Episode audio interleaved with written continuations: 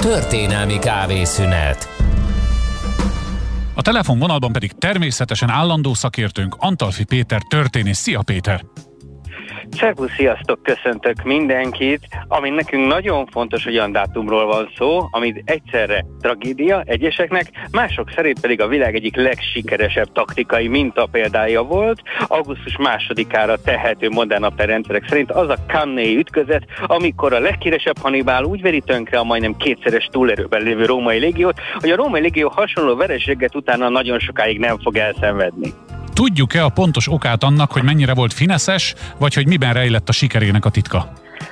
Nekünk itt maga Hannibal figurája az érdekes. Mindig uh-huh. Kartágóról, római punháborúkról úgy beszélünk, hogy Róma szempontból, mert római forrásokat olvastunk először modern európaiként. Aha. Tehát Kartágó mindig a gonosz galaktikus birodalom, vagy a tipikus ellenség. Nagyon nehezen tudjuk, hogy mi volt a kartágóiak véleménye ugyanerről. Nincs meg az a fajta kartágói történetírás. Van római irodalom, van római történetírás, mind a kettő erősen részrehajló. Amit tudunk Hannibalról, hogy már az apja is egy rendkívül jó hadőtér volt, még az első punháborúk vége felé is találkozunk olyanokkal, akik ilyen nevet viselnek egyébként. Tehát a Hannibal és a Hamilkár és a Hanno, ezek olyan gyakori nevek voltak, hogy majdnem mindenkit így hívtak Kartágóban kis túlzással, tehát mintha csak Kovács János altábornagyot említeném. Hm. Tehát tudni kell, hogyha véletlenül Hannibal vagy Hamilkár feliratú római feliratot, bocsánat, a kartági feliratot látunk, akkor bárki lehet ez az elmúlt 500 évből ott a Róma és a punháborúk időszakában. Ami nekünk érdekes, hogy bár apja úgy jön ki az első punháborúkból, hogy ő maga a csapatával egyszer sem vesz ki, de neki kell a viszonást levelezényelni. Tehát úgy esett ki a VB-ről, hogy veretlenül gyakorlatilag.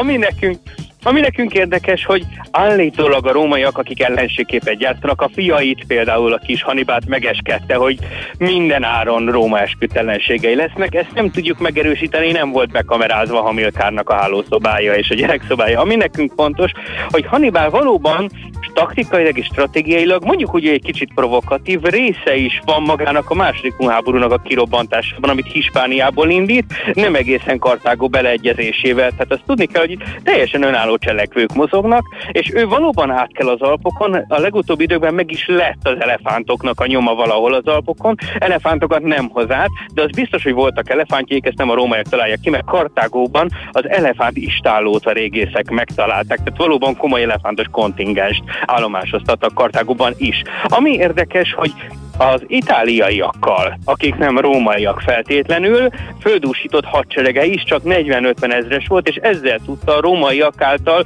sokat gyára kiállított hadsereget, mert előtte már háromszor tönkrevette őket, megverni még egyszer Kannénál. Ez az akkori történelmi a legvéresebb ütközete, tehát olyan 50 ezerre teszik a római források az elhúnyt e, ró, csatában elhúnyt, hogy is később kivégzett rómaiaknak a számát. Ez annak idején elképesztő. Hasonló arányú vérengzést hadseregekhez képest tényleg a modern időkig nem látunk, a rómaiak évekig nem vállalnak ütközetet, nem hogy ez a háború elhúzódik. Tehát Hannibal ezt úgy tud elérni, hogy nem teljesen a saját hadseregével, és nem csak a saját hadseregével. Tudjuk azt, hogy ő ezt a hadvezéri karriert folytatja. De nem csak hadvezér Hannibal. Természetesen őnek is vannak más tevékenységei. Például a második punháború veresége után Kartágó újjáépítésében, mint egy építő reformer, gyakorlatilag kultúrpolitikát hívő politikus is ismert, de ezt a tevékenységet valamiért a római források nem annyira részletesen említik. Tehát akkor tulajdonképpen azt a kérdésemet, hogy Hannibal született hadvezér volt-e, most részben azzal válaszoltad meg, hogy még akár egy kis uh, polihisztorság is lehetett a személyiségében, mert nem egyértelműen csak és mindig a háború.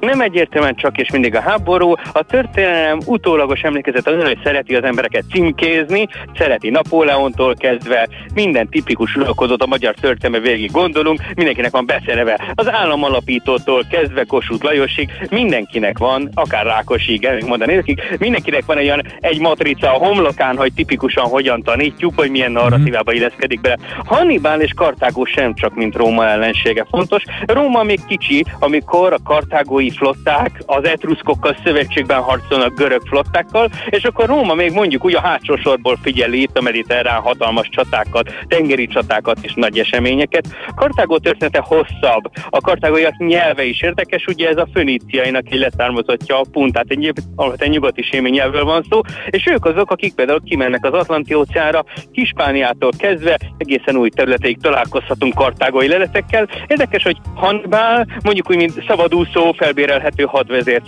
fejezi be hm. karrierjét Kis-Ázsiában, mert azért ez a Róma ellenesség, ez akkor is vissza-visszatér majd az ő életében. Hát akkor nem influencer, hanem manapság talán tanácsadó lenne, akit szerződtethetünk, hogy megoldja a problémánkat, nem? Kivéve, hogyha a Rómával van problémánk, ja. mert azt nagyon nehéz. Azt Igen. senki nem tudta megoldani annak idején. Az igaz. Kedves Péter, nagyon szépen köszönjük, hogy ezt elmondtad nekünk. Várunk téged egy hét múlva is. Szia! Köszönöm, sziasztok!